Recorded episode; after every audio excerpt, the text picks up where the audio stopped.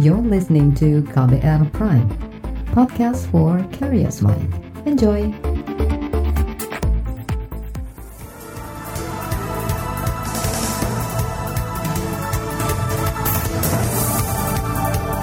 Selamat pagi saudara, kami menemani Anda pagi hari ini dengan sejumlah informasi pilihan di Buletin Pagi KBR bersama saya Eka Juli.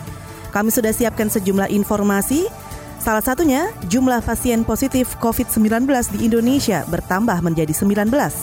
Mahkamah Agung membatalkan kenaikan iuran BPJS Kesehatan.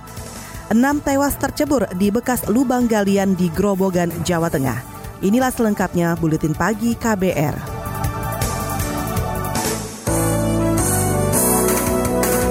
Terbaru di Buletin Pagi.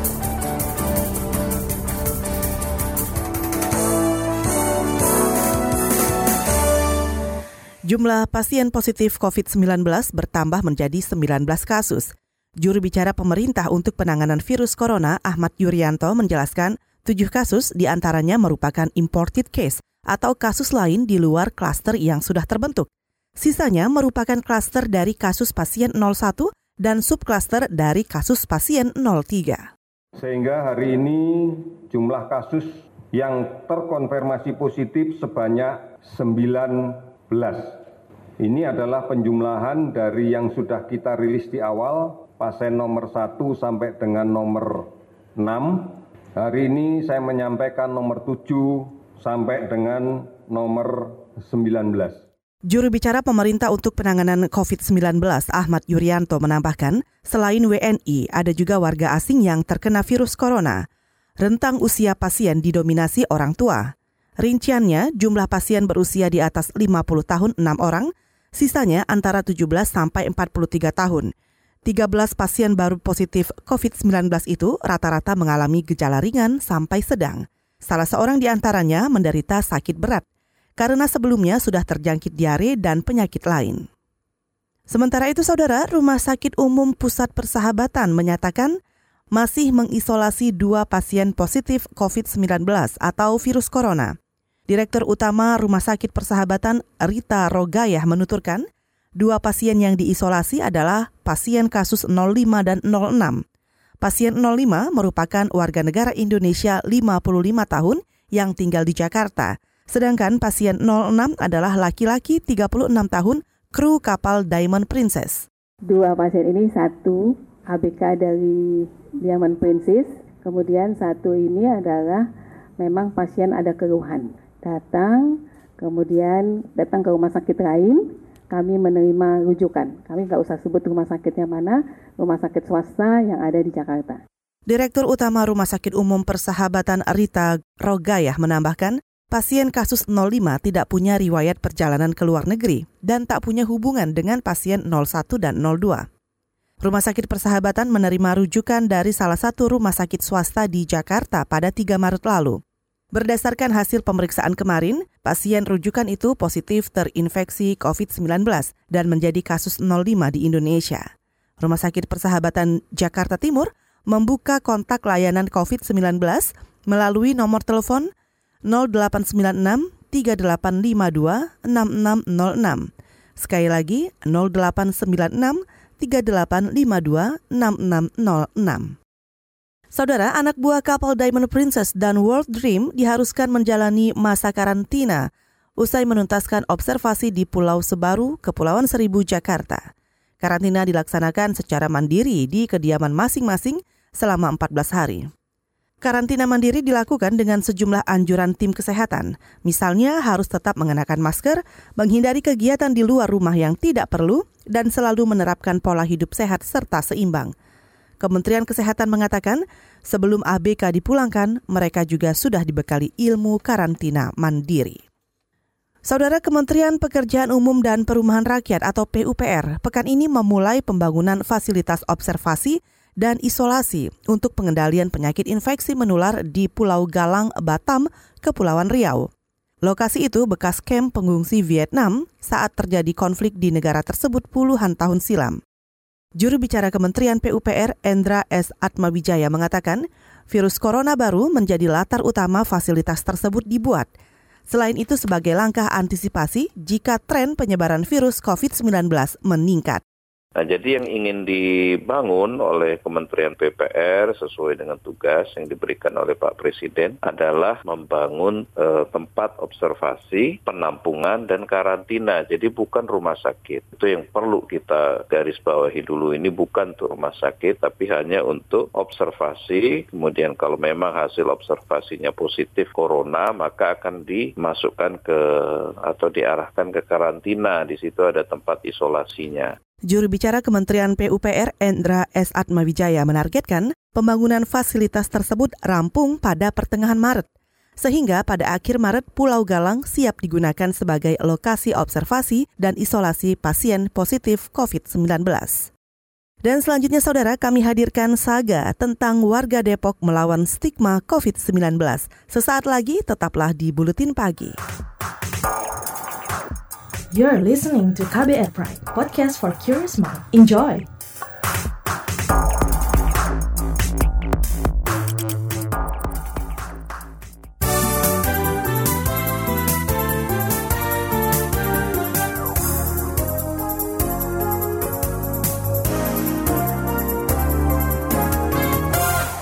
Terima kasih Anda masih mendengarkan Buletin Pagi. Saatnya kami hadirkan liputan khas KBR Saga. Saudara warga perumahan Studio Alam Indah Depok, Jawa Barat didera stigma sebagai sumber wabah corona. Diskriminasi itu muncul usai bocornya data pribadi pasien positif COVID-19. Namun, warga menolak pasrah dan terus berjuang melawan stigma. Upaya apa yang mereka dilakukan? Kisahnya disusun jurnalis KBR Lea Citra dibacakan Arimba Odeswara berikut ini. Beberapa hari pasca pengumuman itu order transportasi online itu sering di cancel. Kemudian kalau ke mana-mana, oh ini ini saya yang corona itu ya. Kemudian anak-anak sekolah itu ditanya macam-macam. Oh ini yang corona, jangan berteman dulu deh. Jadi banyak info-info yang itu menurut saya sesat ya, yang menstigma pasien lingkungan yang Keluhan Anis Hidayah ini mewakili suara-suara warga perumahan Studio Alam Indah Depok, Jawa Barat. Kompleks permukiman itu tiba-tiba distigma sebagai sumber wabah corona usai dua warganya positif terinfeksi virus dan diisolasi. Ini semua adalah imbas terungkapnya informasi pribadi pasien di media sosial maupun media massa.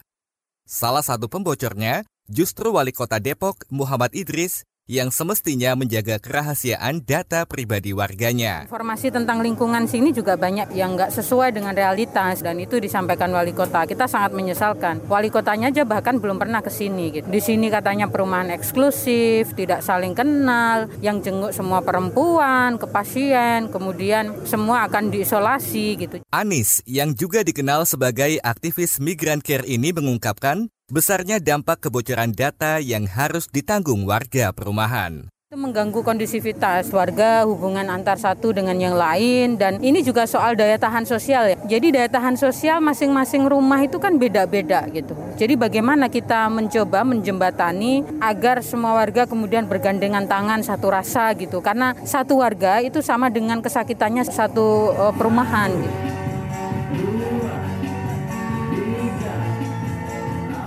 Namun warga studio Alam Indah menolak pasrah di dera stigma. Pada Minggu 8 Maret lalu, ratusan orang berkumpul menggelar senam tera bersama.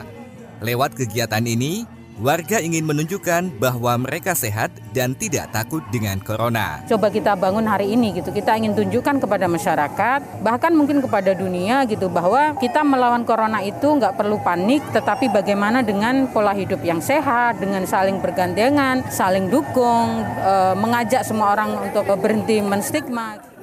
Ini balonnya. Ini balonnya.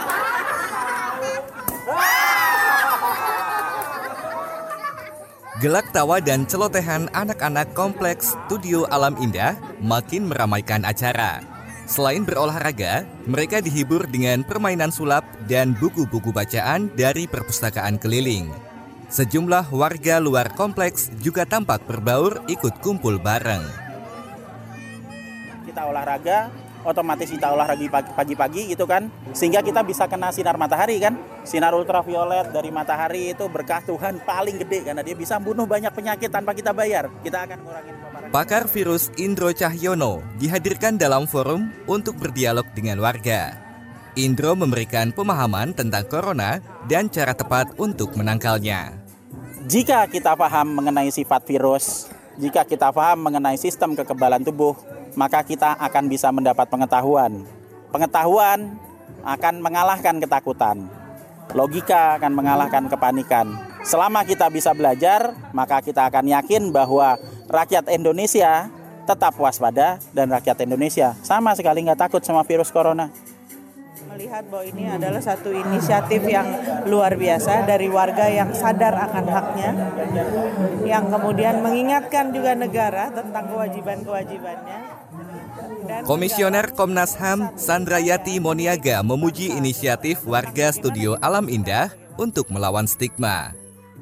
Inisiatif itu sekaligus sebagai pengingat bagi pemerintah agar melindungi hak-hak warga intinya kan kalau dari Komnas itu mendukung ketika warga cerdas. Artinya dalam situasi seperti sekarang, pertama negara itu kan memang punya kewajiban ya menjalankan pemenuhan perlindungan dan eh, pemenuhan hak asasi manusia. Nah, dalam konteks ini warga juga perlu cerdas, warga juga perlu sigap bukan menjadi warga yang pasif. Nah, dalam konteks seperti ini warga di Studio Alam Indah ini berinisiatif inisiatif ya untuk terus menunjukkan bahwa mereka paham persoalan yang ada. Demikian saga yang disusun jurnalis KBR Lea Citra. Saya Arimba Odeswara. You're listening to KBR Pride, podcast for curious mind. Enjoy!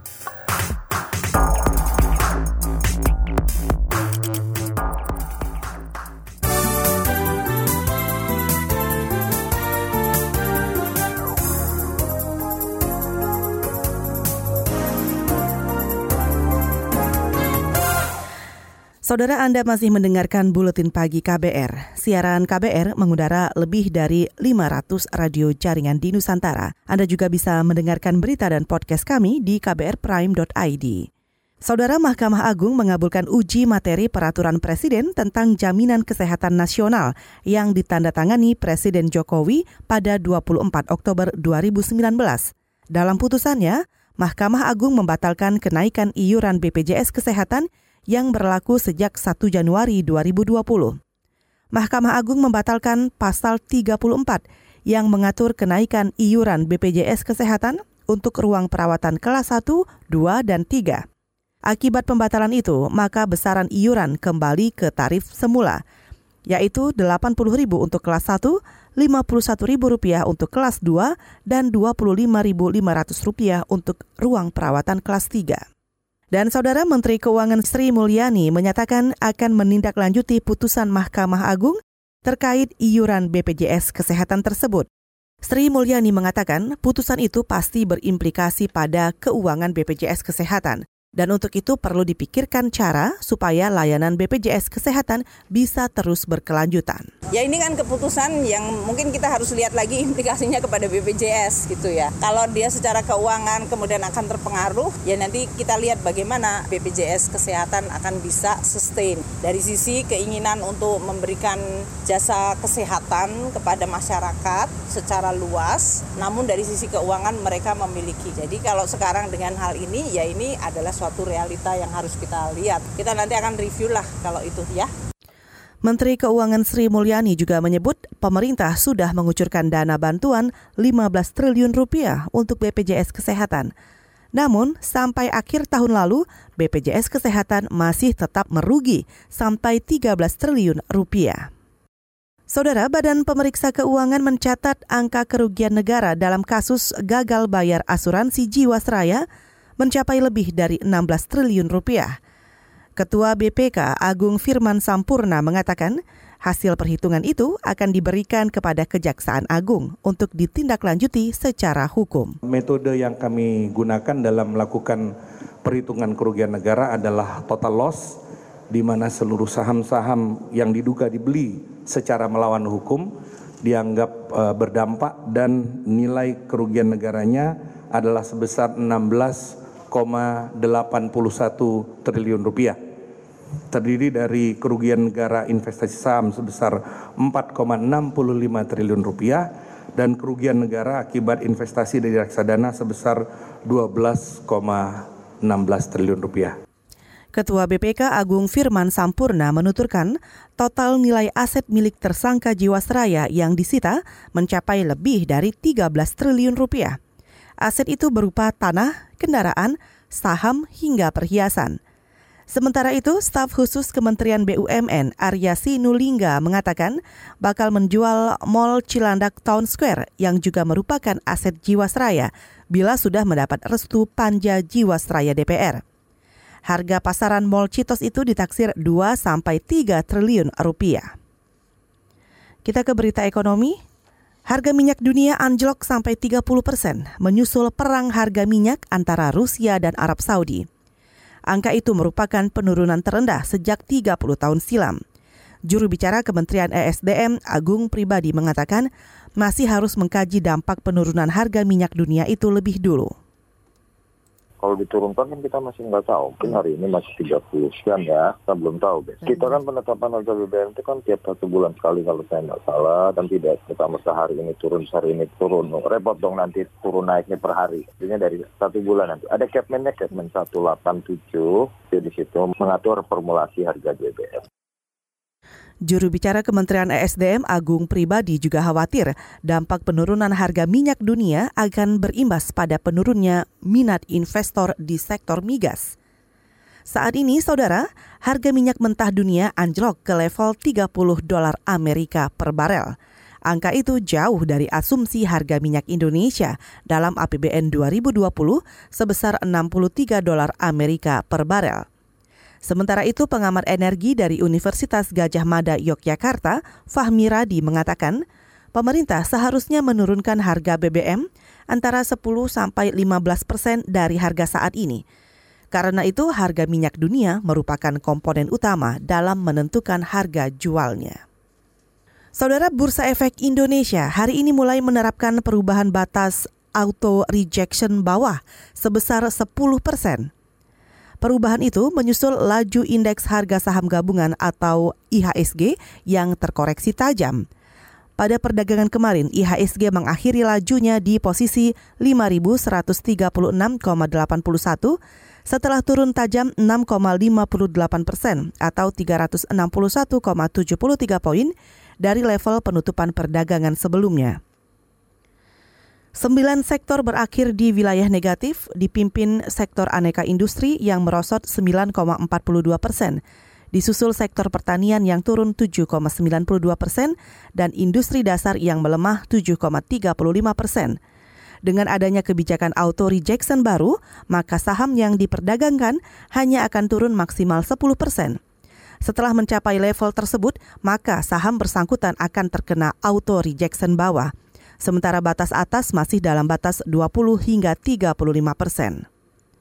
Kita ke berita olahraga. Pertandingan kualifikasi Piala Dunia Zona Asia pada Maret dan Juni ditunda karena wabah virus corona. Penundaan itu disepakati oleh Badan Organisasi Sepak Bola Dunia dan Konfederasi Sepak Bola Asia. Ini dilakukan setelah konsultasi dilakukan antara anggota Asosiasi Asia, FIFA, AFC, Senin kemarin. Ada sekitar 20-an pertandingan yang dijadwalkan digelar di seluruh dunia di seluruh benua Asia pada 26 Maret dan 31 Maret. Sedangkan 32 pertandingan lainnya digelar 4 dan 9 Juni. Pertandingan itu masih bisa dilanjutkan jika asosiasi-asosiasi mengizinkan pertandingan berdasarkan kesepakatan bersama. Namun terlebih dahulu harus memenuhi standar keselamatan FIFA dan AFC. Saudara, selanjutnya kami hadirkan informasi mancanegara dan daerah. Tetaplah di Buletin Pagi. You're listening to KBR Pride, podcast for curious mind. Enjoy!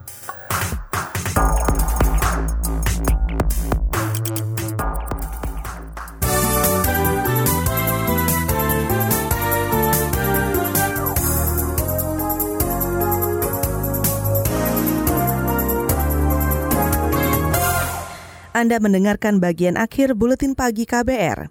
Kita ke mancanegara. Kerusuhan terjadi di empat penjara di Italia. Kerusuhan itu diduga diakibatkan para tahanan menolak aturan baru terkait pencegahan virus corona. Akibatnya seorang tahanan tewas dan puluhan lainnya luka-luka saat bentrokan terjadi kemarin. Italia adalah negara di luar Cina yang memiliki kasus COVID-19 terbanyak.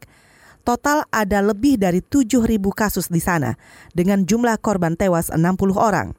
Hari ini, pemerintah setempat menutup seluruh wilayah Italia sebagai salah satu upaya mencegah penyebaran penyakit. Semula penutupan hanya untuk wilayah utara Italia. Namun, hari ini penutupan dilakukan secara menyeluruh di Italia. Kita ke informasi daerah. Seorang pengasuh pondok pesantren bersama lima santrinya, santri perempuan tewas akibat tercebur ke bekas lubang galian C. Peristiwa yang terjadi kemarin itu berlangsung di Desa Kronggen, Kecamatan Berati, Grobogan, Jawa Tengah.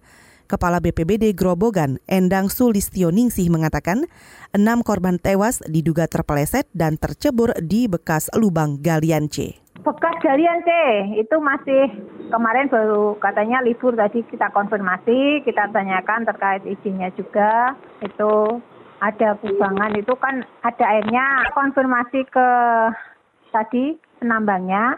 Itu sebenarnya sudah ada batas untuk warga tidak boleh beraktivitas di situ. Itu sudah ada apa namanya portal atau papak anu, pengumuman gitulah, sudah ada batas. Kepala BPBD Grobogan Endang Sulistioningsih menjelaskan, keenam korban tewas itu sebelumnya melakukan kerja bakti di sekitar pondok pesantren putri Al-Latifiyah. Lokasi kerja bakti itu sekitar 100 meter dari bekas lubang galian C. Endang menyebut meski ada papan larangan untuk beraktivitas di sekitar lubang bekas galian, tapi larangan itu tidak dilengkapi pagar pengaman. Saudara, puluhan nelayan asing yang tertangkap menangkap ikan secara ilegal di perairan Laut Natuna Utara akan dideportasi. Kepala Kantor Imigrasi Pontianak Kalimantan Barat, Tatang Suheryadin mengatakan, puluhan nelayan itu kedapatan menangkap ikan secara ilegal di zona ekonomi eksklusif Indonesia. Ketiga kapal asing itu tidak dilengkapi dokumen resmi dan juga menggunakan alat tangkap ikan yang dilarang menangkap tangan tiga kapal muatan yang melakukan penangkapan ikan di sekitar perairan Laut Natuna Utara ZEE e, Zona Eksklusif Indonesia ketiga kapal muatan tersebut memasuki batas perairan Indonesia tanpa dilengkapi dokumen perizinan yang sah dari pemerintah Republik Indonesia. Kepala kantor, maksud kami kepala Ya, Kepala Kantor Imigrasi Pontianak Kalimantan Barat Tatang Suheryadin menambahkan nakoda dari ketiga kapal asing itu masih diperiksa lebih lanjut oleh otoritas setempat. Mereka terancam dikenai sanksi hukuman sesuai Undang-Undang Perikanan. Saudara serangkaian berita mancanegara dan daerah tadi mengakhiri buletin pagi KBR hari ini. Simak terus informasi terbaru melalui kabar baru situs kbr.id, akun Twitter at berita KBR, dan podcast di kbrprime.id. Saya Eka Juli, salam.